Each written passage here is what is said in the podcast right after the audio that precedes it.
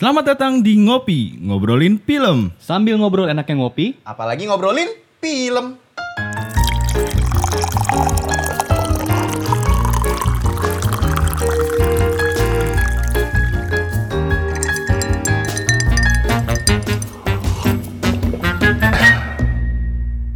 Oke, halo halo. Halo. Balik lagi di Ngopi. ngobrolin film. Oke, ini Sambil ngopi beneran ya? Yoi. Episode perdana di tahun 2020. Ya ngomongin film perdana juga Nah, nih tahun 2020. yes. Kita perkenalan dulu kali ya. Oh boleh boleh boleh. Oke. Siap siap. Dari dari Artito Pramono dulu.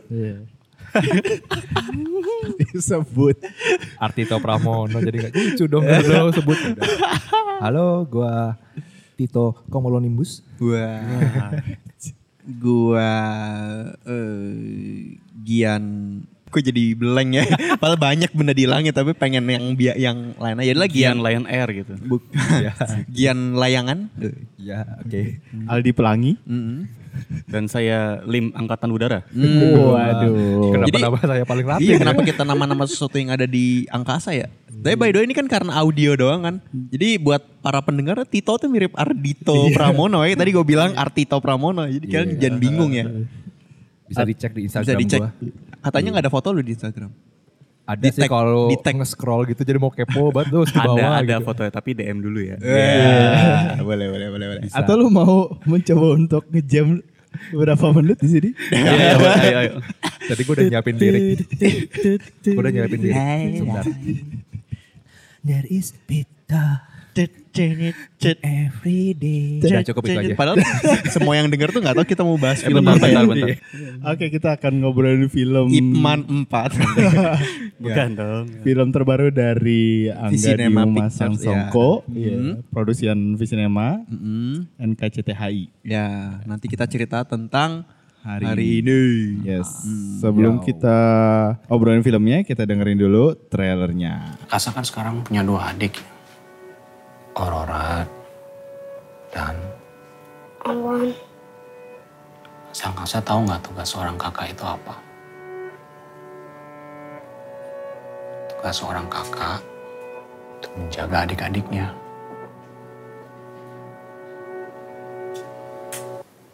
Jadi nanti kalau misalnya ayah dan ibu nggak ada, jagain adik-adiknya siapa? Angkasa, Kalau nanti adik-adiknya butuh pertolongan, nolongin siapa? angkasa, Kalau nanti adik-adiknya lagi sedih, yang bakal meluk siapa? angkasa,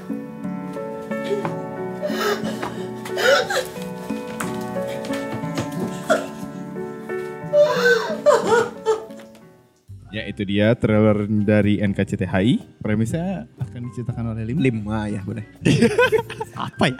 Yang nggak spoiler tuh susah tuh. Oke Gian. Jadi tentang keluarga yang memiliki banyak rahasia yang di mana mereka tampak seperti keluarga harmonis, cuman dibaliknya banyak cerita-cerita yang terpendam yang sedang mereka penati. Kalau pakai premis itu jadi kayak thriller gitu. kayak directed by Bon Joon Ho. Keluarga yang mereka semua itu punya unek-unek yang ditahan-tahan-tahan karena terkekang oleh kebiasaan yang dihadirkan oleh sang ayah yang di mana si ayah kira tuh demi melindungi anaknya. Hmm, jadi berubah lagi nih. ya pokoknya Oke, iya. pada dasar Film seperti keluarga itu, film ya. keluarga. Film keluarga. Mm-mm, namun bukan cemara. Oke, film ini disutradarai oleh Angga Dwi Songko. Banyak pemeran-pemeran yang sangat-sangat terkenal. Ada Rasel Amanda, Rio Dewanto, Sheila Dara, Doni Damara, Susan Bahtiar, Oka Antara, Michael Jericho. Anjani, Chico Jericho. Bener, ada ada bener. Iya ada sih. Iya. di- Dan lain-lain. Ada Masih Isyana. Saraswati Iya. yang sangat spesial itu. Dan produser eksekutifnya itu ada Mbak Agia Karisma. DOP-nya masih yang, yang Yadi Sugandi. Jadi Sugandi loh. Iya. Om Yadi. Cakep kan? Iya dia. Tak. Tapi ya emang Tak uh, terkalahkan. si Iya sih. gambarnya kayak iklan rokok. Satu film kayak iklan rokok gambarnya. Oke, kita Oh, obrolin lah filmnya. Ya boleh. Gimana perasaan kalian setelah menonton film boleh. ini? Gimana dari lu Al? Buset, langsung ditembak dong gue. Ya soalnya kan ini ya siapa aja bisa bercerita tentang film ini soal karena kita semua pasti punya keluarga kan ya. Iya. Silakan. Aldi. Bahagia tetap aja Silahkan gua. Aldi. Ya film ini sangat sesuai ekspektasi gue sih karena diceritain lah eh, bagaimana film ini itu dari Gian awalnya kan. Eh, Gian udah nonton duluan, press screening lah dia. Gue spoiler. Terus habis itu pas ini, wah bagus ah lu harus nonton segala macem. Hmm. Emang gue emang udah mengantisipasi film ini sih dan ini membayar ekspektasi gue di awal tahun dan apa ya menurut gue ya gue cukup seneng karena gue menutup tahun 2019 kemarin dengan film yang sangat-sangat menyenangkan dan di awal tahun dan dibuka awal tahun ini dengan film yang sangat-sangat hangat gitu Hmm. kalau gue. apa abis abis gue nonton ini sih waktu kelar emang filmnya tuh kayak gimana ya gue ngerasa tuh kayak emang Visinema tuh jago deh bikin tentang keluarga yang bikin penontonnya tuh bisa terharu Hmm. kayak dan ini juga di awal tahun gitu kayak keluarga cemara kan juga gitu Iya, tapi yang mm, yang gue rasain juga di film ini tuh merasakan kayak sebenarnya si film ini tuh punya ceritanya tuh yang yang cukup sederhana cuman mereka itu gue suka tuh eh ini belum suka ya tapi gue suka dengan permainan timeline mereka Ya. sih jadi jadi buat gue film ini tuh sebenarnya selain emang dari kisahnya yang sedih tapi yang gue suka juga yang gue rasakan enak juga di sini adalah cara penyampaian cerita tuh bisa gini ya gitu kayak Hmm. di dikasih flashback tapi kita kan biasanya flashback tuh buat cuman buat penekanan kan ini buat nyeritain sesuatu yang baru gitu dan enak gue ngerasa enak ngikutin ceritanya sih walaupun sebenarnya durasi film ini tuh lama banget 120 menit. Iya, 120 dua jam. menit 2 jam ya gue nggak kerasa sih 2 jam karena pack gitu Cerit Iya. karakternya banyak tapi semuanya emang emang jadi karakter itu ada buat keperluan ceritanya jadi enak gitu kalau lu tuh Kalau gua awalnya kan si NK CTH. Oh, RI. NKTCHI. Sari. Ya jangan gitu.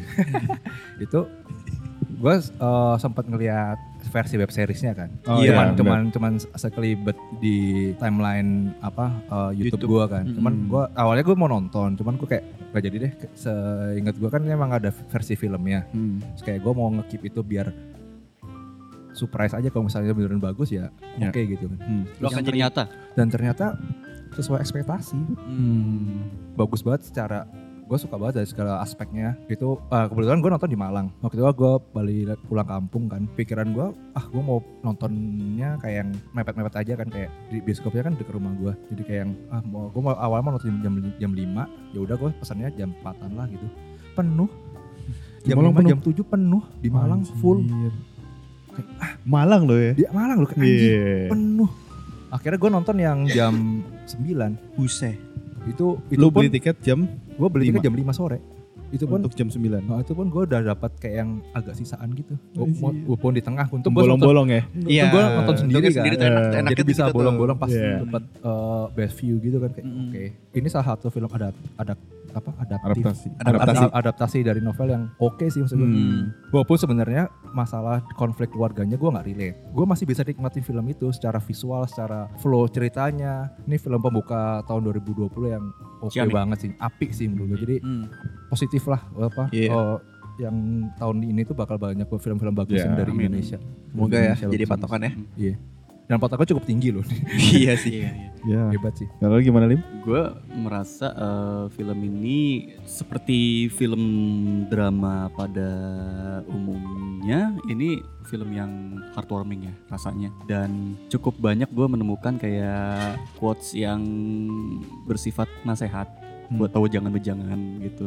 Tapi gue nggak tahu masih masih belum bisa nentuin apakah ini hal yang positif atau negatif gitu karena itu nanti diceritain lebih lebih lanjut lagi di, Di yang tapi serak dan gak seraknya ya. tapi eh, satu hal yang gue notice di film ini tuh ini film Indonesia pertama yang gue tonton yang berhasil mendokumentasikan kehidupan anak milenial atau Gen Z zaman sekarang. Lagu pembukanya aja udah langsung Kunto Aji kan. Kayak jadi jadi film ini tuh kayak meta banget gitu loh. Bisa bisa bisa dibilang kita bisa menemukan scene by scene itu atau atau dekat di kehidupan kita sehari-hari di sekitar kita. Hmm. Sangat masa kini gitu ya. Sangat kekinian. Ini Hmm. film masa kekinian. Itu sih yang gue rasain ketika nonton. Ya itu dari dari set juga eh, memang seperti ya karena dekat dengan kehidupan kita ada Iya. kayak MRT, udah kelihatan perkembangan Iya iya benar benar. Heeh. ekonomi Iya. negara Iya, juga iya. gitu ya. Pergaulan. dan dan di satu sisi gue ngeliat film itu entah kenapa gue bisa gue gue gue punya pikiran film itu sangat Twitter. Oh iya. gue nggak tahu uh, nggak bisa- penjelasannya iya, tapi- seperti apa tapi film ini tuh Twitter banget gitu. Eh, Cuitan-cuitan. Nah, Iya. tapi menurut gue ini bukan untuk Gen Z sih. Ini untuk untuk generasi kita sendiri. Milenial. Milenial. Jadi ke milenial Hmm. ke apa angkat- anak-anak angkatan 90-an yang lahir tahun 90-an. hmm. Anak-anak yang sudah dewasa dan memasuki quarter life crisis. Iya betul sekali. Iya. Si yang paling kecil kan juga baru lulus kuliah sama baru First jobber gitu. Iya, Coba. gak Gen Z sih menurut gue. Betul betul. Hmm, Bahkan si angkasanya pun walaupun dia udah dewasa kan dia tetap lagi kena isunya tuh isu umuran sekitar kan karena dia kelamaan Iya. di rumah Tinggal itu kan. sama orang tua terus Heeh. kayak nggak bisa mengerjakan mimpinya sendiri gitu. Hmm, apa-apa masih izin diatur banget Iya, untuk umur segitu kan Iya, kayak sebenarnya lebih relate ke Iya. our problem gitu. Cuman Iya. dia sebenarnya umur berapa sih? Sekitar 30 kali. Soalnya yang gua Pas adenya lahir itu kan mungkin dia umur anggapnya 10-an kan. Mm-mm. Terus dia nahan derita selama 21 tahun berarti ya kira-kira 31 lah. Iya. Sionaga itu. Wajib Sionaga. Tapi Angkasa tuh Sionaga makanya namanya angkasa. Oh, Karena iya, ya ya ya ya. Sionaga. Tapi bener bener bener bener. tapi si siapa namanya angkasa tuh cancer sih dia. Menurut gue yang cancer bokapnya. Enggak, bokapnya Sagi. Hmm, masih gue cancer banget gue liat guys itu. ngopi guys. Bukan zodiak. bukan bukan ngozot. Ngopi kali bukan ngomongin ngozot. Ngopi Siapa? bukan ngerumpi. Si Asik. Aurora Scorpio itu pasti gue tahu tuh Scorpio. Libra sih Allah. Enggak. ya. karena Apa? karena Scorpio. Wah, dia sangat pendiam Oke, sekali. balik lagi di planet Oh, remaja. sorry sorry sorry awan awan. Podcast planet remaja. Iya, iya, awan yang Awan Libra. Libra, Maksud gua gue salah, Gua salah. setuju, awan Iya iya iya Scorpio tuh si si Aurora. tapi tapi tapi satu hal yang gue setuju, Kale itu Gemini. Iya. Iya iya iya. Brengsek. iya, iya. Kali gue Iya, Kali itu gini nih bener Oke, apa yang kita serik dari film ini? Oke. Diem aja gitu. Menerka perbicaraan kalian. Aduh. Itu kan iya. Kale sama Libra sama Gemini kan buset dah. Udah. Udah. Hmm, tapi nggak bisa serius kan ya? Ya. Ya, ya, ya, ya, yang yang serak, yang serak yuk, yang Iya, serak iya. yuk. Oke oke oke lanjut lanjut. Yang serak lu sama zodiak apa serak? Cancer cocok sih sama Scorpio bro. yang serak di sini. Kalau yang gua serak di sini ngelanjutin yang gue bilang tadi, eh gue tuh amazed banget dari cara film ini bercerita. Soalnya gini, yang kayak tadi gue jelasin lagi ya, kan, eh, flashback kan biasanya buat penekanan kan. Oh ini kenapa biasanya flashback tuh dipakai buat males nulis Ya. cerita kan?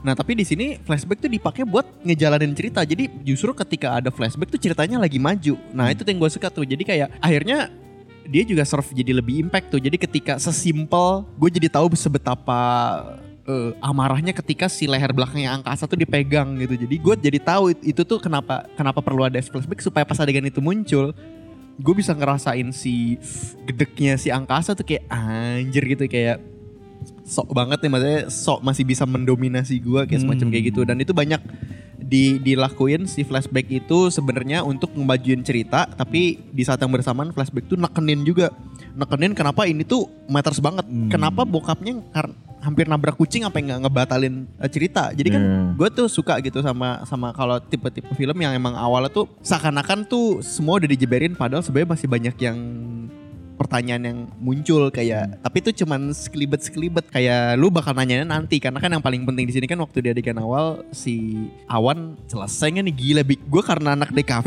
gue mikir anjir bis semalaman nih Iya. bikin wah set deh begadang gitu ya. juga begadang juga jelek ya jadi Iya. kalau mau ngejalan sendiri aja jadi gitu terus yang gue suka juga di sini gambarnya ya gambar pengambilan gambarnya Hmm. yang kayak tadi gue bilang yang tadi gue bilang tuh dari A sampai Z gue kayak ngeliat iklan rokok itu itu iklan itu itu Jernih bening itu gitu ya. dia tuh kayak filmnya tuh nggak mau ngambil gambar yang biasa aja tuh nggak mau harus harus keren Iya. gitu terus eh, yang terakhir sih gue suka walaupun nggak flawless tapi untuk film drama yang berani banyak ngelibatin CGI itu menurut gue cukup eh, pertanda baik sih buat film kita ke depannya juga dan buat jadi CGI itu bukan milik film action atau film sci-fi gitu. Kayak CGI itu bisa dipakai works well banget untuk di film drama karena lu nggak butuh yang gimana-gimana dan orang tuh nggak akan nggak akan menilai itu. Gitu sih. Udah sih Iya. kalau gue so far dari itu sih. Kalau gue yang gue bilang tadi di awal, gue suka su- uh, sama segala aspeknya di Hmm. film ini. Dari segi cerita, tata kamera, teknik editingnya, cast-nya, direct directingnya. Wah gila sih. Ini Pol-polan banget sih pol-polan filmnya. banget sih. Kayak beneran semua tuh punya semangat yang sama buat bikin film yang bagus Hmm. gitu loh. Iya, Iya iya, kan? iya, iya, betul betul. Apalagi yang tadi gue sebenarnya agak kelebihan udah disebutin Gian secara detail kan. Yang gue suka tuh ya pemakaian unli- apa unli- unlinear Oh iya. storytellingnya tuh. Iya. cara dia untuk membalikan kita ke flashbacknya tuh sangat rapi menurut gua. Apa match cut match cutnya tuh rapi banget. Jadi kayak lu nggak sadar nih kok kebetulan kayak beberapa hari yang lalu tuh gua habis nonton Gone Girl nya Hmm. David Fincher kayak Oh. waktu gua nonton si NKTC HI ini kayak langsung recall gitu kayak gue pernah nonton film kayak gini di mana? Oh iya kemarin gua nonton Gone Girl kayak pakai treatment yang sama gitu kan. Hmm. Yang flashbacknya itu akan menjadi poin untuk ke depan gitu. Hmm, hmm. Kayak oke, makanya itu filmnya lama terus kita nggak berasa Iya. itu yang membuat kita nggak berasa kan ditambah sama case-case-nya luar biasa Contohnya? contohnya kayak eh, an- apa si si kecil angkasa Ya. sama itu Bagus. ah, waktu yang scene-scene awalnya tuh kayak, kayak "Wah, ini bocah nih udah bisa acting sekeren ini kayak Hmm. makan apa lu cah Itu itu bocah yang ada di pengabdi setan bukan sih? Bukan ya? Bukan. bukan kayak gue pernah lihat dia, dia di iklan apa gitu Dia yang nanti bakal dia ada ada di Abrakadabra juga tuh. Oh, Oh, yang gue iya. tahu terakhir sih dia yang ada di ini trailernya siapa Gatot Kaca Oh. yang ditabrak itu yang Emang dia. iya? Itu dia? Itu bukannya dia. Oh, nggak tahu sih. Ya, eh, ya masalah aktor cewek yang eh aktor cowok anak kecil yang jago acting itu agak mirip-mirip mukanya Muzaki juga mirip. Iya, iya, iya. Mm-mm. Kayak- Yang di Mother's Love juga mirip. Iya di Mother's Love juga mirip itu memang Muzaki ya memang sama. Wow. Yang di Terus- Gundala juga mirip. Yang di di Pengabdi Setan juga mirip tuh si adeknya. Mm, case dari case anak kecilnya terus yang gue kaget bapaknya yang kalau Oka Antara kan ya udahlah kita tahu lah kapabilitasnya Iya. Oka Antara Iya. Mm-mm. Doni Damara guys Uh ya. ya, lu, lu lu kalau lu nonton sinetron sinetron yang dulu kan ya Doni Damara bener-bener kayak menguasai Iya. industri kan Hmm. terus tiba-tiba kayak jarang kayak berapa tahun ini gue, gue not- jarang nonton film Indo yang ada Doni Damara Hmm. tiba-tiba ada Doni Damara kayak Iya. Doni Damara ternyata wow Comeback. memang beneran legend Mm. Nah. Terakhir gua nonton soalnya dia di ini di apa yang Gading Martin tuh eh, Naga eh, Bonar. Naga Bonar. Oh, Dan itu perannya dia main. Naga Bonar. Iya, tapi itu juga udah kelihatan sih bibitnya bagus acting. Terakhir gue nonton Siapa? Doni Doni Damara, Damara. itu di Doni Damara bibit aktingnya bagus pukul loh senior itu Sembarangan. sembarangan kalau ngomong It's Om Doni Damara to Oh you. iya iya iya. Om Doni. Om Dun. Kayak Lovely Man juga bagus sih. Iya, Lovely Man. oh yang yang yang yang ya? jadi banci ya? Iya. Oh iya. Oh iya. Udah, udah lama banget kan Iya. saya Iya. benar-benar lihat aktingnya dia sebagai apa yang pe- peran-perannya di Yang cukup powerful cukup- gitu cukup ya. Powerful. Hmm. Terus ini sporting arts paling gue suka sih. Badayu men. Iya. yang suster kan? Walaupun cuma nangis doang. Ih tapi lu berasa nggak sih tiba-tiba? Ah, ah. Eh belum cerita gitu itu kayak. Kayak tiba-tiba Iya, siapa kayak- ya? kok nangis. Ternyata suaminya belum cerita. Kabur ah. Iya iya iya. iya. di di sequence itu kayak, kayak agak komedik sih. Cabut. Cabut. Tutup pintu. Nggak ikutan gua, nggak ikutan gua. Tapi pas tutup pintu jadi sedih aja. Iya. Ya, gara-gara gua nih berantem nih. Maksudnya lu pada aja ngerasa ngerasain kayak gitu padahal berarti lu ngera- apa ngerasain yang Ke deliver dengan baik. gitu. betul Hmm. sekali. Walaupun itu sebenarnya cuma cuma supporting artis. Iya. Dan semua tuh benar-benar kayak eh, dukung satu sama lain secara directingnya juga. Hmm. Hmm. Semua Ada- tahu porsi. Uh, uh, ada porsinya dan bagus banget. Semua itu optimal gitu loh. Sila Dara Hmm. Wah. itu Itu kayaknya nanti ada satu segmen sendiri ya Oh, buat iya. bahas Aurora ya. oh, sama ini sih si Angkasa juga. Rio Dewanto. Rio Dewa Dewanto. Dewanto gue setuju. Parah sih. Gua waktu waktu dia yang scene dia berant apa apa ngu- ngungkapin semua amarah dia Oh, tuh iya. Di ruang tamu ya. gue diem gue kayak intens banget itu gue kayak Kayak lagi dimarahin ya. kayak anjir Enggak kayak ngeliat orang meledak gitu. iya kayak Beneran. bener kayak langsung merinding semua gue kayak ini kalau nggak nih orang yang maranin kayak nggak bisa deh kayak Hmm. kayak cuman Rio Dewanto yang punya porsi untuk ini gitu dan Amanda Aurora lovely banget sih di situ Amanda Amanda. Aurora, Amanda Rahel. Rahel Amanda. Eh, Rahel Amanda salah. Eh, namanya Arahel Amanda Aur- Aurora Rahel Amanda Oh iya. jangan salah gue udah Oh, udah riset. Oh, udah iya, iya. riset. gue udah pernah ketemu dia beberapa kali wih. kebetulan gue pernah syuting sama dia Eh, ya kan lu kan jadi ini kan jadi pemain juga di sana kan. Lu kan kale. sama Awen kan. Lu kan kale. Lu kan yang matahin hatinya Rahel Amanda. Ya. waktu itu sebenarnya gue gue mau nerima si Awan. Cuman kayak gue mikir lagi, gue tuh pernah punya backstory cinta gue yang jelek gitu, jadi gue gak mau trauma lagi. Iya kita udah nonton kok film jadi gue gak usah bohong deh. gitu. Om Yudi Datau sebagai sinematografernya tidak usah dipertanyakan lagi lah. Kualitas kualitas teknisnya gila sih, keren banget. Oh sama gue suka plot twistnya sih. Hmm. Soalnya gue apa namanya? Gue nggak kira kalau si Awannya itu punya kembaran. Oh iya gue iya. kira anaknya meninggal. Nah si Punya Awan itu, lagi. si Awan itu kayak anak-anak anak pingit gitu, anak adopsian. Iya, Gua gue juga kira- mikirnya gua gitu. awal kalau awal-awal tadi waktu di waktu gue nonton tuh kayak gitu kayak oh ini pasti prediksi gue ini apa namanya orang lain bukan anak mereka. Kalau gue malah gitu. sempet mikirnya ibunya meninggal terus dia kawin lagi. Oh, iya, gue juga sempet ya Mungkin juga. apakah mungkin ini, ini ibu tiri tapi kok Karena be berubah kan. iya, ya berubah. Berubahnya jauh soalnya. Terus sampai kayak ya gitu sih. Iya Hmm. sih itu gitu. Tapi ternyata memang plot twist ya. Plot twist. Tidak tidak ketebak kalau itu ketebak ternyata kalau ternyata kembar. kembar. Saya gue juga nggak berpikir untuk dia dia kembar. Hmm. Terus ternyata Aurora hanyalah anggota keluarga hayalan selama Waduh. ini. Waduh. Jadi mereka cuma berempat. garis bawah gue tuh di teknik editingnya sih itu oke oke banget eh Iya. teknik cerita sih sorry teknik ceritanya Hmm. yang unlinear sama match cut-nya itu oke Hmm. gimana lim menurut Gue Bung Lim. setuju soal teknis kayak kayaknya nih film rapi banget ya. Sama banget. gambar-gambar juga bagus-bagus banget. Terus gue suka karakter-karakternya sih di dalam film ini. Bukan Hmm. cuma aktor tapi juga karakter di film ini tuh menarik semua.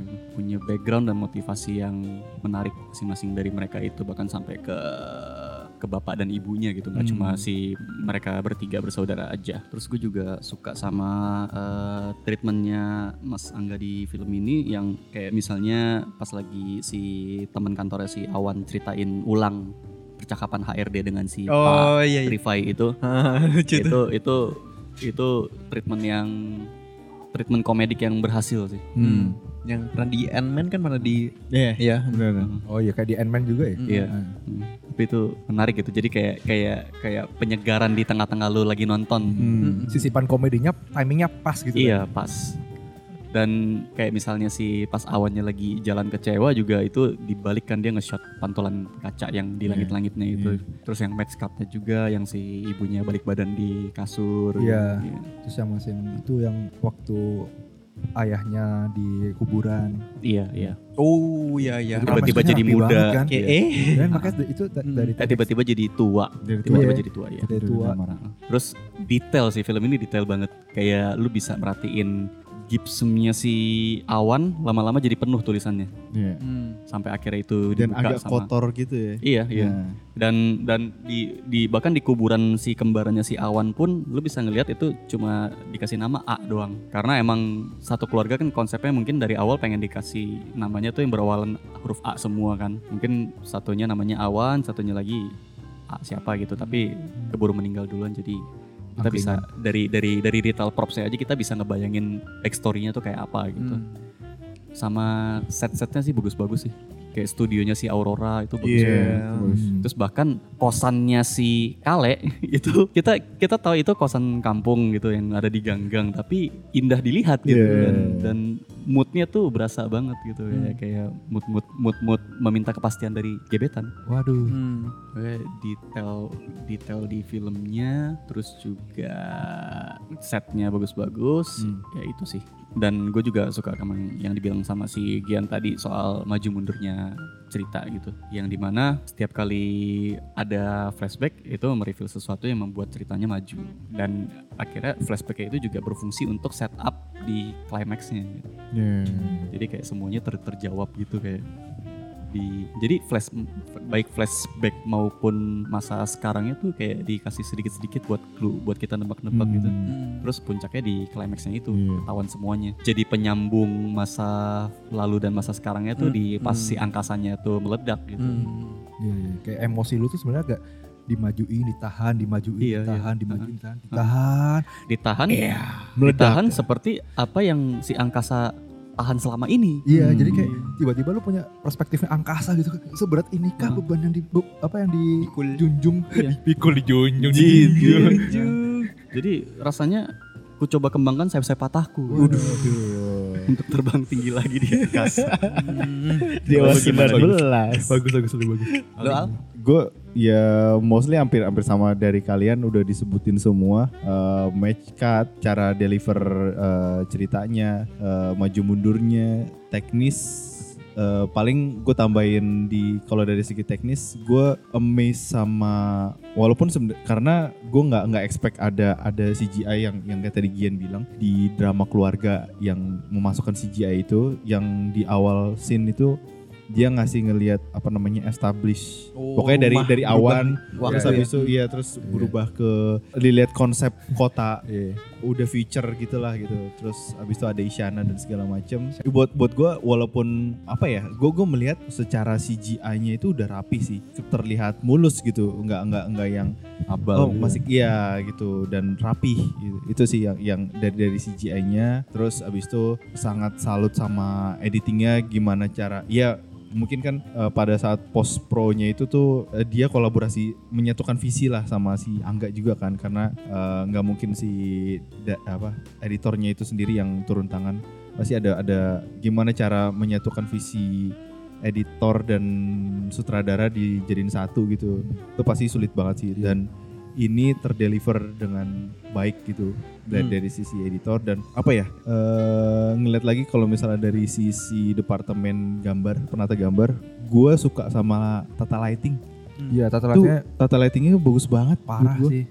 dia dia mainin eh, ini agak-agak teknis banget sih mainin eh, feel key light Heeh. terus sama rimnya itu tuh buat gue asik banget terang gelap Iya. kontras kontras warna-warnanya itu tuh yang buat gue kayak di sesimpel di dalam Metro Mini dia memperhatikan detail kayak lampu jalan yang lewat-lewat terus abis itu ambience light yang ada di sekitarnya itu tuh Hmm. enggak eh, detail gitu dia Iya, dia iya. masih masih memperhatikan gitu Hmm. terus adegan yang di coffee shop itu tuh wah asik banget sih di belakangnya pun juga tetap terisi gitu nggak nggak cuman sekedar jadi ambient light doang gitu nggak nggak jadi kita tuh pas nonton nggak berasa kayak di set Iya, tapi betul. emang ada di real lokasi gitu loh. Terus abis itu sama yang kayak eh, kayaknya lu udah pernah mention waktu itu di film apa gue lupa. Eh, kita udah pernah obrolin tentang Visinema tuh terkadang selalu nambahin detail-detail suara yang bikin lively gitu loh. Oh Eh, iya. Contohnya Suara kayak tukang baso gitu-gitu tuh kan. iya yang Mungkin ditambahin.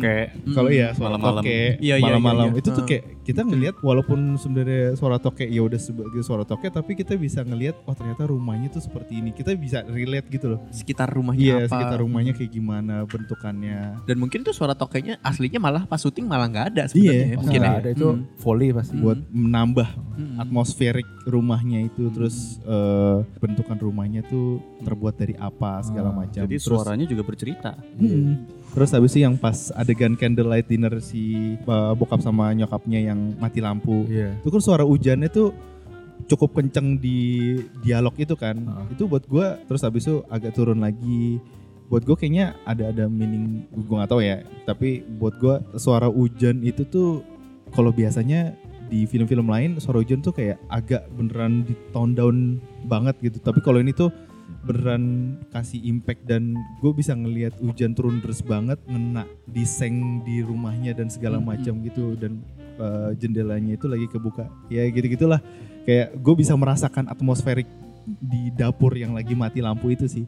Itu yang pa- pas pengalaman sinematik yang gue dapetin pas itu ya eh, dari dari segi penata suaranya sih gue kasih poin lah di situ karena sangat detail. Terus apalagi ya eh, sama kayak tadi Tito bilang karena ini dibuat dengan si Mas Angga itu bisa mendeliver visinya itu sih ke dalam semua lini. Bahu membahu buat bikin film ini tuh menjadi suatu kesatuan yang utuh dan kokoh gitu ya. Karena semua lini tuh sempurna buat gua Iya. gitu. Itu aja sih. Oh, itu di yang di lighting yang di galerinya si Aurora. Oh, iya, Oh, itu iya, bagus iya. banget. Itu bagus tuh. Bener-bener kayak Oh. apa? Lightingnya ngebantu buat Ngeset bentuk mood, atmosfer, ya. ah, bentuk moodnya ketika si Aurora yang ditinggalin sama Oh, keluarganya iya, mati. berasa Iya. asing banget tiba-tiba Hmm. mati set. Iya, Wah, Iya.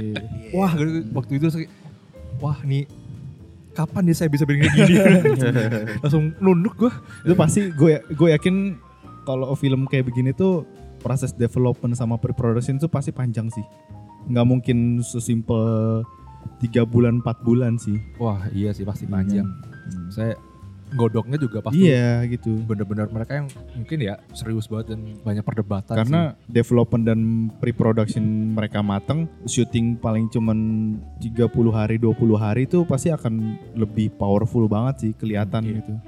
Dan gue penasaran sih pas eh, adegan terakhir yang curhat-curhat di rooftop, Hmm. itu kan lu mesti gercep banget ya kalau nggak posisi mataharinya bakal Iya, berubah iya, kan. Iya benar-benar. Itu berarti Dan emang kereta lewat sebelumnya tuh walaupun bisa CGI ya. berarti sebelumnya kan mereka udah ber- mereka bertiga udah latihan banyak Iya. gitu, udah, udah Udah. reading-reading terus sebelum dan Tag. dan di ini dan di set waktunya Hmm. mereka ngomong di mana dialognya sampai mana iya. itu harus sampai kapan ketika mereka dialognya yang itu waktu MRT lewat Iya, Hmm. itu bener-bener dipikirin. latihan sih Timing. Ah, ah. timing Timingnya itu. Oh, mungkin dua tiga kali take masih bisa cuman kalau misalnya bener-bener lu yang kosongan gitu kayak wah itu nggak mungkin sih Iya. Dari eh, dari sini tuh udah terasa banget dedikasi tim produksinya. Iya, iya. Heeh. meskipun ya kalau misalnya lu tanpa pro- apa tanpa pre yang cukup matang ya lu pasti menambah budget karena eh mungkin gagal di hari ini kita, coba besok aja tapi kan enggak itu kayak akan nambah, Menggampangkan nambah gitu ya. budget aja Iya, kan iya, pasti benar-benar. Nambah budget sehari berarti nambah budget kru Iya, Alat, semuanya. semuanya. Iya, benar, benar. cash Apalagi itu juga kalau misalnya emang beneran real background ya, itu kita nggak bisa men-set alam gitu kan. nggak bisa itu sungguh. Matahari sunset itu kan kita nggak bisa ngeset. Iya. Jadi emang harus diperhitungkan Iya. secara detail. Terus gue nambahin lagi tadi, gue baru kepikiran yang di scene Aurora eh, pameran seninya Oh, Aurora itu, iya. gue suka ini sih eh, set design sama wardrobe-nya. Karena itu membentuk mood juga sih. iya Karena iya hitam putih. Mm-mm. Semua semua karya seninya juga tuh hitam, Hitam. putih monokrom dan segala macam. Itu juga Menunjukkan kehampaan hidupnya si Yes. Aurora. Iya. Depresi. Heeh. kan ada satu ekstrasnya waktu itu yang eh, gue gue inget tuh yang itu wartawan datang Iya. ke mbak ini bagus banget aku suka ini kenapa menunjukkan depresi waktu udah ngomong Hmm. depresi yang di backgroundnya itu si eh, angkas eh angkasa si awan sama ayahnya lagi lagi bertengkar bertengkar. Ah. wah Iya. wah habis sudah apa Aurora datang kalian kok mau ribut pulang aja deh wah gue langsung marahin aku juga dong ke Aurora Busan. wah itu cantiknya cantiknya langsung Kenapa jadi ngomongin cantiknya ya? ya oke Tadi lagi ngomongin depresinya. Enggak, gara-gara itu dia terlihat cantik di mata gua. Oke. Bagaimana suatu depresi yang dibungkus dengan ciamik bisa menimbulkan suatu kecantikan? Iya, Uh, sama waduh. sama seperti sama seperti ketika seorang fotografer mengambil foto mengenai bencana. Bencana Hmm. itu Dipotret dengan sangat indah. dia bencana kan sangat indah Ah. jadi karya fotografi padahal sebenarnya itu adalah sebuah Bencana. bencana. Kehancuran. Berarti Kehancuran. Aurora adalah contoh nyata suatu kedepresian yang di capture dengan sangat indah. Betul sekali. Mantap sekali. itu dia poin dari film ini sebenarnya. Harusnya nanti kita cerita tentang Aurora. Waduh. ya. Mantap Mbak Sheila Dara, aku suka. Iya sih ensemble cast-nya kacau sih, kacau banget. Udah sih itu, gue cuma bisa bilang kacau Sama. karena bagus banget mereka Iya, semua. bagus. So, sama ini sih di pemilihan soundtracknya juga sih oke. Hmm. maksudnya dengan masalah seperti itu, maksudnya dengan konflik yang se- keluarga seperti itu diambil soundtrack soundtracknya yang lagu-lagunya juga eh, membahas tentang sosial dan family issue gitu Hmm. kayak Betul. social issue juga Iya. kayak rehatnya Kunto Aji Kalau Untuk- misalnya untuk hati terlukanya, lirik-liriknya iya. gitu untuk ya. ter- untuk hati terlukanya Isyana Secukupnya. secukupnya Hindia Iya. terus apa lagi ya banyak lah. sama Ya tapi ya lagu ro- romansanya romansa lagu-lagunya juga lagu-lagu yang Playlist playlist anak zaman Iya. sekarang. playlist anak Twitter. playlist Terus- anak Twitter. anak indie nggak mau indie Indi nggak mau ini tapi dengerin dia. Iya. Ya itu sih. Coba coba oke sih. Ya sih kalau dari gue itu. Ada lagi tambahan dari kalian? Udah, Udah sih sama kita move on ke Ya, ke segmen berikutnya. Aurora enggak ya, bukan. Yang kurang serak. Yang kurang serak. Yang kurang serak dari Lu gua tau. berarti ya. Iya. dari Kalau gua adalah begitu gua non kelar nonton, gua langsung tahu nih, ya, gua gak serak ini. Shot akhirnya kenapa harus Isyana senyum gitu. Ah. itu doang sih kayak lu tuh punya banyak shot, punya banyak stok yang mungkin yang bagus gitu. Tapi gua nggak tahu sih kayak tiba-tiba Isyana preferensi lu ah, aja. kayak, ya. kayak harus dia senyum. Ya mungkin dia kayak mengakhir meng- awal dan akhir aja Isyana kan. Iya. Kenapa kenapa tidak endingnya pesawat kertas yang melaju ke langit terus fade to black kayak Ya. Itu sih sebenarnya yang agak kurang. Kayak lu lim.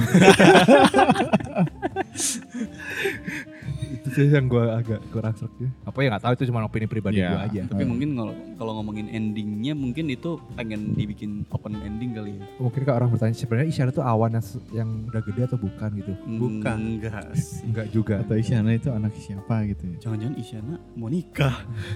Emang udah mau nikah. Makanya senyum-senyum. Udah lamaran. Tiba-tiba Jadi tembus ke fourth dimension gitu di real life. Tapi sebenarnya ini ini sudah Tito sudah. Sudah sudah tidak gitu. Ini sebenarnya bagaimanapun saya sangat berusaha untuk memaklumi endingnya, mau tidak mau saya juga harus mengakui agak agak loh gitu, agak agak loh momen ketika Iya, Isyana kan? muncul. Hah?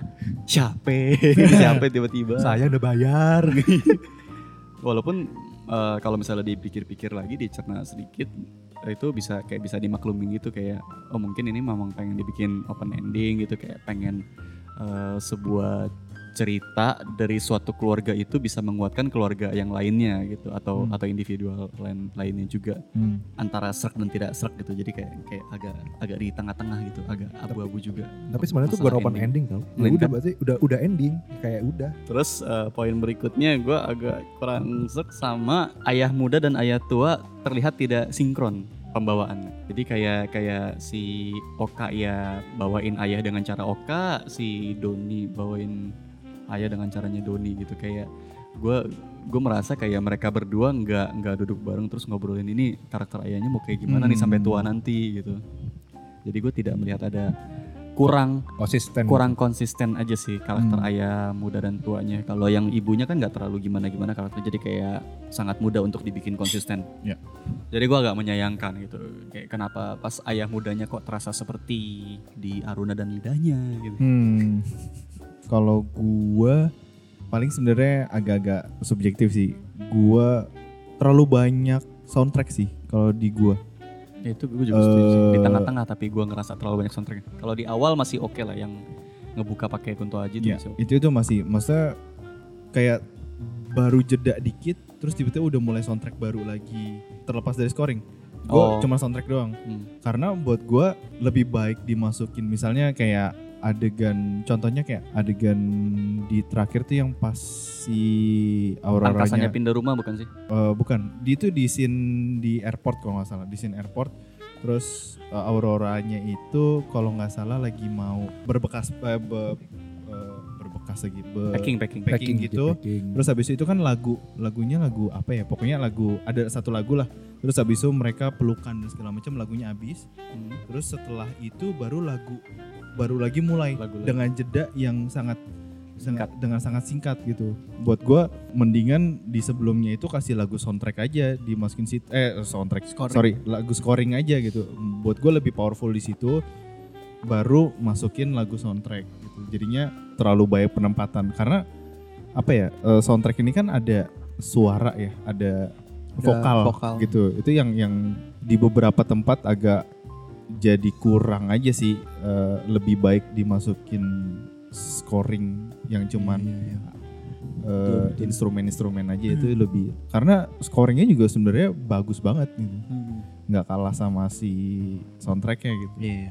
Iya, gue mau nambahin soal soundtrack, gue termas termasuk di dalamnya juga scoring. Kayak misalnya gue agak agak agak kurang serak di adegan yang si Kale yang pas eh, si Kale ngobrol sama Awan di coffee shop, hmm. yang si Kalenya lagi ngasih ujangan-ujangan gitu. Menurut gue itu harusnya bisa lebih intimate kalau scoringnya itu pakai ambience dari cafe aja gitu, nggak Hmm. nggak usah nggak usah dikasih scoring yang sekental itu harusnya bisa lebih intimate tapi karena ada scoring gue ngerasanya jadi kayak adegan itu jadi kayak sambil lalu doang Hmm. kayak jadi kayak montase doang gitu Hmm. kayak lewat doang Gue gue nambahin lagi kayak ya contohnya imperfect lah untuk menempatkan soundtrack dan Scoring gitu. scoring juga eh, nggak nggak berlebihan gitu jadinya dari eh, sequence-sequence dan scene-scene-nya itu nyaman dilihatnya emosi yang mau disampaikan juga tersampaikan dengan baik aja gitu. walaupun sebenarnya ini juga nyampe cuman buat gua tuh harsh aja sih gitu kalau ada soundtracknya gitu. Lo Gi? Kalau gua kekurangan di sini minor juga ya. sebenarnya film ini kan juga pengen menunjukkan perfect world bu- buat eh, industri kreatif yang maju kayak eh, bisa hidup banget kayak mapan banget di situ kayak gue ngeliat industri-industri Iya. ini tuh mapan banget padahal sebenarnya di realita tidak semapan ini Iya. cuman yang gue kurang serak itu di detail kecil motornya kale Oke. Kale yang anak kosan, makannya juga nyari tempat yang murah. Walaupun gua nggak tahu di balik itu mungkin dia suka yang otentik otentik, tapi dilihat dari status sosial dia seperti itu, tapi motornya motornya Royal Enfield tuh kayak, Iya. hmm, gue ngeliat kayak, wow, Kan dia Kan manajer band Papanata. iya sih. Gue jadi Ah, ngeliat, jelas aja sama Kale. Lo akan lebih lebih berasa kali anak band dan manajer band terus seleranya penampilannya agak klasik gitu mungkin kalau kalau dikasih Kalau- CB 100 tuh mesti ya, makin wah itu kayak Hmm, oke Atau Satria F. jangan makin Kawasaki Gua- itu apa namanya? Yang Eh, Kawasaki? W17 Iya, motornya Reza kan Radian di Imperfect masih- itu kan masih relate dia Iya, fotografer. Iya, iya, bener bener bener. Ini kan Motor-motor Royal Reza- Enfield tuh motornya bos pak, motor motor para bos aja. Gue gue sih sebenarnya ya lu nggak tahu dia kredit lo itu iya itu sih. masih ada tanggungan kredit Jangan salah loh, itu motornya Kale dapat dari undian Gojek tahun lalu. Oh iya iya iya iya. Nuker GoPoin itu. Oh iya bener bener bener bener. Dapat Royal Enfield. dari Royal Enfield. di situ doang sih. Gue gue cuman gue cuman cuman di situ doang. Sisanya oke sih. Hmm. Cuman kayak hmm, kayak- maksudnya untuk menunjukkan dia punya selera yang bagus nggak harus Royal Enfield sih Iya, bisa motornya. motor Iya. lain. bisa motor lain cuman Dan bisa menambah unsur romantisnya aja kalau misalnya dia emang suka ngejak Aurora ke tempat-tempat yang dia kan pengen dibikin sosok kontrasnya awan kan. Iya. Awan yang hidupnya high life dan selalu dinaungi Hmm. kenyamanan. Iya. eh, kala itu so ketidaknyamanan Bebas kayak lebih banget. asik kalau gue kira ke bengkel pun juga ya karena mo- motornya itu bermas bahkan motor dia bermasalah gitu ternyata Iya. di upgrade ternyata buat ini buat tersier kebetulan tersier ngupgrade motor. Ternyata bukan karena kesusahan gitu sih. Tapi gue secara subjektif agak kurang serak sama karakter kalenya ya, bukan bukan di bukan secara filmnya tapi lu perhatiin nggak di pas dia ke bengkel ngambil motor tiba-tiba emang udah punya helm dua aja gitu. Emang emang ini cowok tuh emang brengsek predator. Iya, ya. iya, oh, iya. udah udah disetting. Iya, emang emang selalu siap-siap ada he- dua helm Gemini. supaya kan bisa bener kata lo Gemini. Bangsa terus Emang- yang pas kenapa sih cowok gak suka banget sama kale gue balikin lagi deh. Terus lu liat nggak semenjak si Asik, awan? gue banget sumpah. Semenjak si awan bergaul sama Kale tuh dia jadi berani ngebantah orang tua. Iya sih. gila sih itu bad influence banget sih. Toxic sih bad influence. Wuh. ih yang pas makan bakmi juga kan sih. sosok sosok ngasih lauk gitu kan. Iya. so ini, ini cobain nih. Cobain. kan menu kalian berdua sama Iya. Aneh. Sentimen. Parah, Kale. Kale nih udah tahu kosan di kota Hmm, sosok takut komitmen nah Asik, asik, asik. Bilang aja gak ada duit. Nanti ketahuan itu. Enggak, supaya Aja. pacarnya banyak enggak iya dia enggak dia enggak suka terikat iya Dan- Iya dan dia tuh suka sama yang eh, perempuan-perempuan fragile bahkan sampai Iya. fragile yang sedang disable. iya nah terus yang Satu tangan doang. Iya, anjir, anjir. Terus yang pas adegan buka buka gipsum, adegan buka gipsum, kenapa mesti banget di kosan bukanya kan? Iya, Ya kan iya, berarti- iya. Berarti udah niat jahat tuh lu pengen pengen ngembrus dengan leluasa. iya walaupun sebenarnya gue nggak tahu sih si Awan itu lu agak kaget gak sih tiba-tiba waktu yang dia nonton konser tiba-tiba Awan yang nyosor duluan itu gue agak kaget sih Hmm. lah Awan nyosor ya kelihatan sih sebenarnya dari Itu sebenarnya setup tau. Hmm. Kan si kalenya kan nyanyi-nyanyi depan Iya. depan muka kan. Itu dan buat dia tahu lagi fragile. setupnya tuh dari udah dari waktu dia jalan-jalan ke kota Iya. yang pas Makan-makan otentik, makan makan otentik terus yang apa namanya nulis tangan, Eh, yang sabar nyebrangin, ya. nyebrangin, nyebrangin. nyebrangin kayak Iya. Nah, yang nyebrangin tuh adegan nyebrangin juga brengsek kali, kayak kayak sosok heroik tapi ternyata awannya ada di sebelah arah mobil. itu bahasa. Lu cuma pengen gandingan aja itu anjing. itu yang agak ini kan oh enggak soalnya kalau saya dari kiri nggak bisa digandeng kan tangannya diperban Ya kan lu bisa ngerangkul atau apa sih nggak kayak. bisa itu malah kelihatan ini kelihatan mau banget Hmm. apaan sih gitu Terus lu inget gak pas adegan yang Buset makan banyak banget ini. Dipendem sekali nih. Lu inget adegan, semua. adegan yang pas makan sop kambing tuh Iya. Ditanya kan sama Kale Gimana? Udah enakan belum? Iya udah entengan nih Narkoba nih mas ini Bangsat Kale Itu pengaruh buruk maunya afeksi Iya maunya Iya. Kalau diem. Dan udah gitu nggak mau nggak berani ketemu bapaknya. Aduh, Jadi- si kale-kale emang nih parah nih kale-kale. banget. Iya, Jadi langsung di, di satu sisi si kalenya pengennya afeksi doang, tapi si Awan pengennya resepsi. Nah, Itu parah sih waktu bukan itu. kebalik ya? Iya awannya pengen resepsi kan. Oh. Iya, awan Pengen kan status, awan Oh pengen iya status. iya iya. iya. Si Awan ini nggak di set up, dia tuh maunya apa di awal supaya bisa kelihatan gagal di akhir. Yaitu ketika ditolak sama si Kale kan. Hmm. Tapi di awal itu nggak nggak di set up kayak dia lagi butuh pasangan gitu. Beda sama dua kedua kakaknya yang si Angkasa itu dari awal udah set up dia pengen banget hidup sendiri. Hmm. Terus si Auroranya juga eh, nah yang Aurora juga kurang set up yang akhirnya dia gagal beasiswa tuh. Hmm. Mungkin bisa di awal film tuh diselipin dia tuh nge- nge-play beasiswa. Ada kok. Kan Ada ya? Ada. ada. Yang kertas. yang, yang kertas itu langsung dibalik cepet. yang ibunya masuk. Oh iya Terus ibunya masuk ke studio. bawah. Itu berarti ngumpetin. saya Iya. skip di situ. Soalnya itu emang adegan tuh cepet banget. Gue juga nggak, gue nggak tahu tuh yang ah, yang waktu dia balikin si folder-folder map itu, Hmm. itu gue gua kira tuh asuransi. Lu kira hidup susah ya? gue gue Jadi kamu selama ini eh kok jadi asuransi? seniman, jadi Asura- agen asuransi. antara asuransi atau itu kayak surat kontrak-kontrak yang buat galeria dia.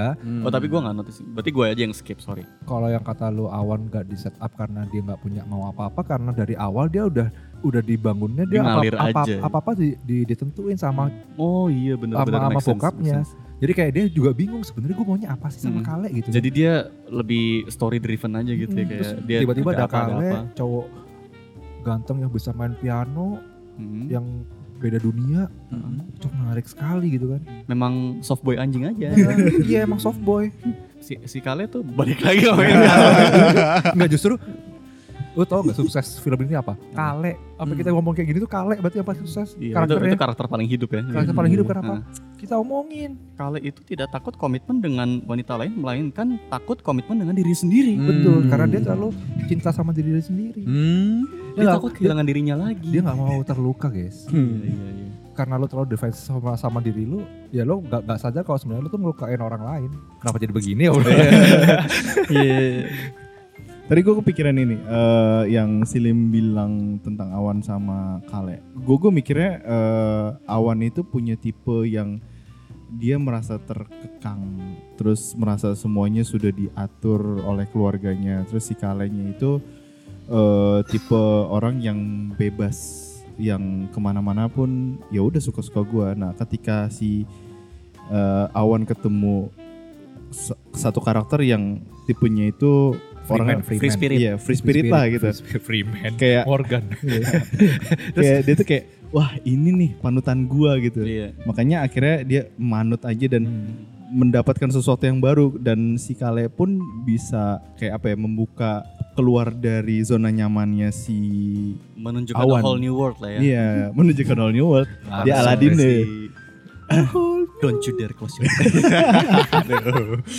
Dan dan si Kale kan membuat si Awan trauma dengan motornya itu hilang kan?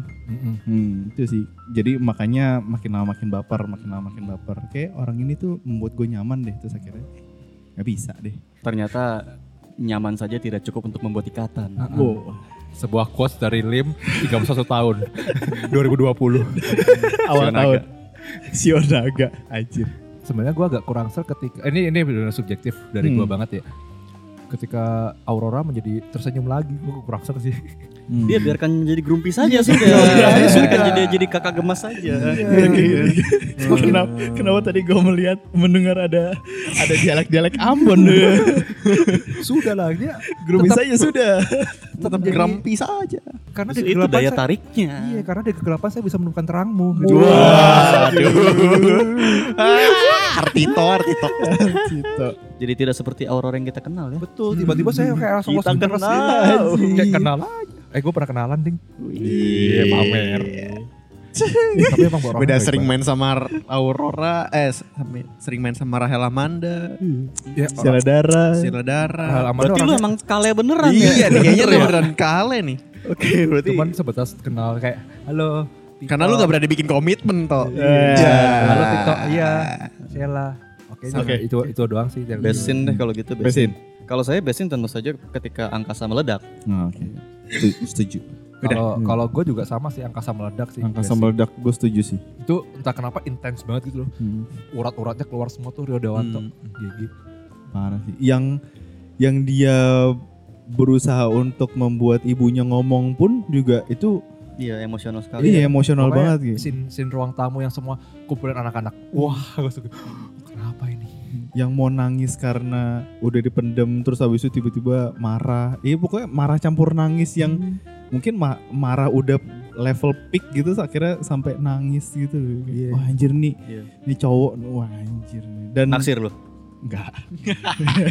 Oh iya lo kan naksir sama Kale ya. Aduh. Admire aja. Lah tai. Karena nggak bisa lebih. Waduh. ini nih kalau kembali ke tempat cancer begini. dan dan scene itu tuh buat yang nonton juga sangat kena banget karena kita sebagai penonton kita tahu setelah si angkasa meledak kayak gini keadaan keluarga mereka pasti nggak akan sama lagi Hmm. entah itu jadi lebih baik atau jadi lebih buruk Kalau gue pas bapaknya nangis, pas waktu eh, Di kamar. terakhir ya? di kamar yang adegan terakhir di kamar tuh yang kayak akhirnya si bapaknya nyadar karena gue paling gedek sama perlakuan bokapnya di sini Hmm. karena dia play victim terus pas lagi di bagian akhirnya dia nangis tuh dia bukan nangis minta iba gitu dia dia tuh nyadar nyadar bahwa ya pantas mereka semua kabur gitu yang dan dan dia juga nangis karena oh sebaik gue udah segini tipisnya untuk ditinggalkan selamanya gitu sih Tapi awan awan ciuman tuh sweet juga sih. Sweet sih, Iya, saya kaget iya. ya juga kok. kayak nyanyi nyanyi nyanyi Iya, nyosor iya, kayak kayak pingin gitu, kapan gitu. Aduh. makanya jadi besin ya Iya, jadi best. I wish pengen nyosor Kale Ya jangan dong. Gue kayak nyosor diri gue sendiri dong. kalau gitu kelar sudah episode kali ini yang cukup panjang, Panjang ya dari tadi. candanya baik banget Tapi emang Puas gak lu? Puas gak? Puas gue nggak? gue puas banget sama film ini sih. puas dan recommended Recommended. Recommended banget. ya setuju Karakter favorit ini? Ya, karakter favorit masih ditanya di. Dia kan Tanya. pendengar kita nggak tahu. Oh iya, jadi karakter favorit dari dari dari awal kan kita belum. ya Kale lah jelas jelas. Dari tadi kita ngomongin Kale, kenapa? Karena itu favorit kita. podcast ini didedikasikan Sus. untuk Kale paras Mas Ardito Pramono, Anda hebat. Iya. Sampai diomongin kayak gitu tuh anda hebat. Dari Kale kita bisa belajar satu pick up line Apa itu? Ketika Anda pengen berkenalan dengan satu cewek, tanya aja. Lagi ada masalah mbak? Bener juga. Oke. Jadi karakter favorit siapa di? gue udah pasti awan. Special mention Aurora. Lu lemah sama apa tadi bang? Lemah sama bentukan cewek yang begitu. Dia sebenarnya ingin mengutarakan karakter favoritnya adalah Aurora. Enggak, tapi, tapi- agak muter gitu. Tapi serius deh, karakter karakter awan ini gue agak suka. Cuman ap- beres agak aja. suka. agak suka bukan bukan nggak sesuka Aurora ya Iya, aduh. secara performance tuh gue suka sama si Doni Damara si ayah Hmm. karakternya gue suka sama pacar angkasa Lika, Lika. kaliku Si kehidupan supportive girlfriend. lu tau Gua jelas lah. Kale. Aurora lah terbaik. Aurora ya, ya. Begitu tahu yang main Aurora si Sheila Dara, gue pasti nonton. Apa pun karakter dia sebenarnya. Lu Lim? Aurora. Aurora. Yeay, au- tim Aurora. Oke, terima kasih teman-teman yang udah mendengarkan sampai saat ini, sampai sejauh ini. Kalau misal kalian suka sama podcast ini, silahkan di follow di Spotify. Kita juga ada di Google Podcast, kita juga ada di eh, Apple Podcast. Kalau misal kalian punya kritik atau saran atau tanggapan tentang film NKCTHI, bisa dicolek-colek lah di kita di Twitter ada di @roadkillpic atau di Instagram @roadkillpictures. Kalau misalnya kalian mau ngobrolin personal dengan kita, di gua ada di Instagram @rinaldi underscore Alexander. Di lu di mana? Gue di Instagram @gianra_raka ada YouTube juga di Cinema Journey with Gian bisa dicek Kalau lu di mana toh? Gue di at Martinus Tito. Lu Lim? Gue di Instagram juga Trimusaurus. Yes. Terima kasih teman-teman yang udah mendengarkan sampai sejauh ini. Sampai jumpa di episode berikutnya. Dadah. Dadah. Dulu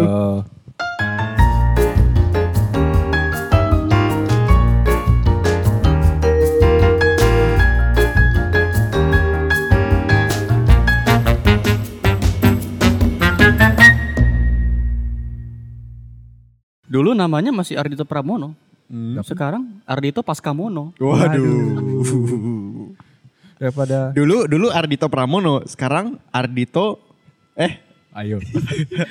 Sekarang Ardito Prestomono. Waduh, dulu kan Ardito Pramono ya udah gitu aja kan.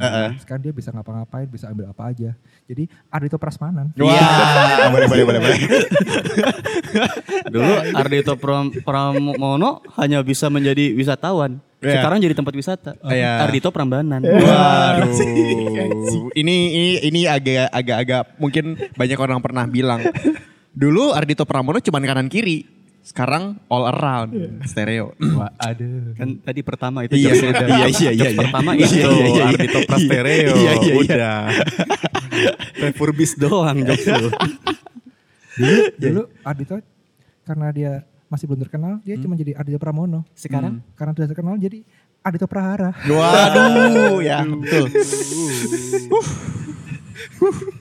dulu Ardito Pramono main piano. Eh, Sekarang main bass jadi Ardito Prakoso. Waduh, betul betul betul betul banget. Dulu Ardito Pramono tuh masih biasa aja. Sekarang karena udah berlimpah harta jadi Ardito Prasasti. Eh, yuk lanjut yuk. Oke, eh, oke lanjut.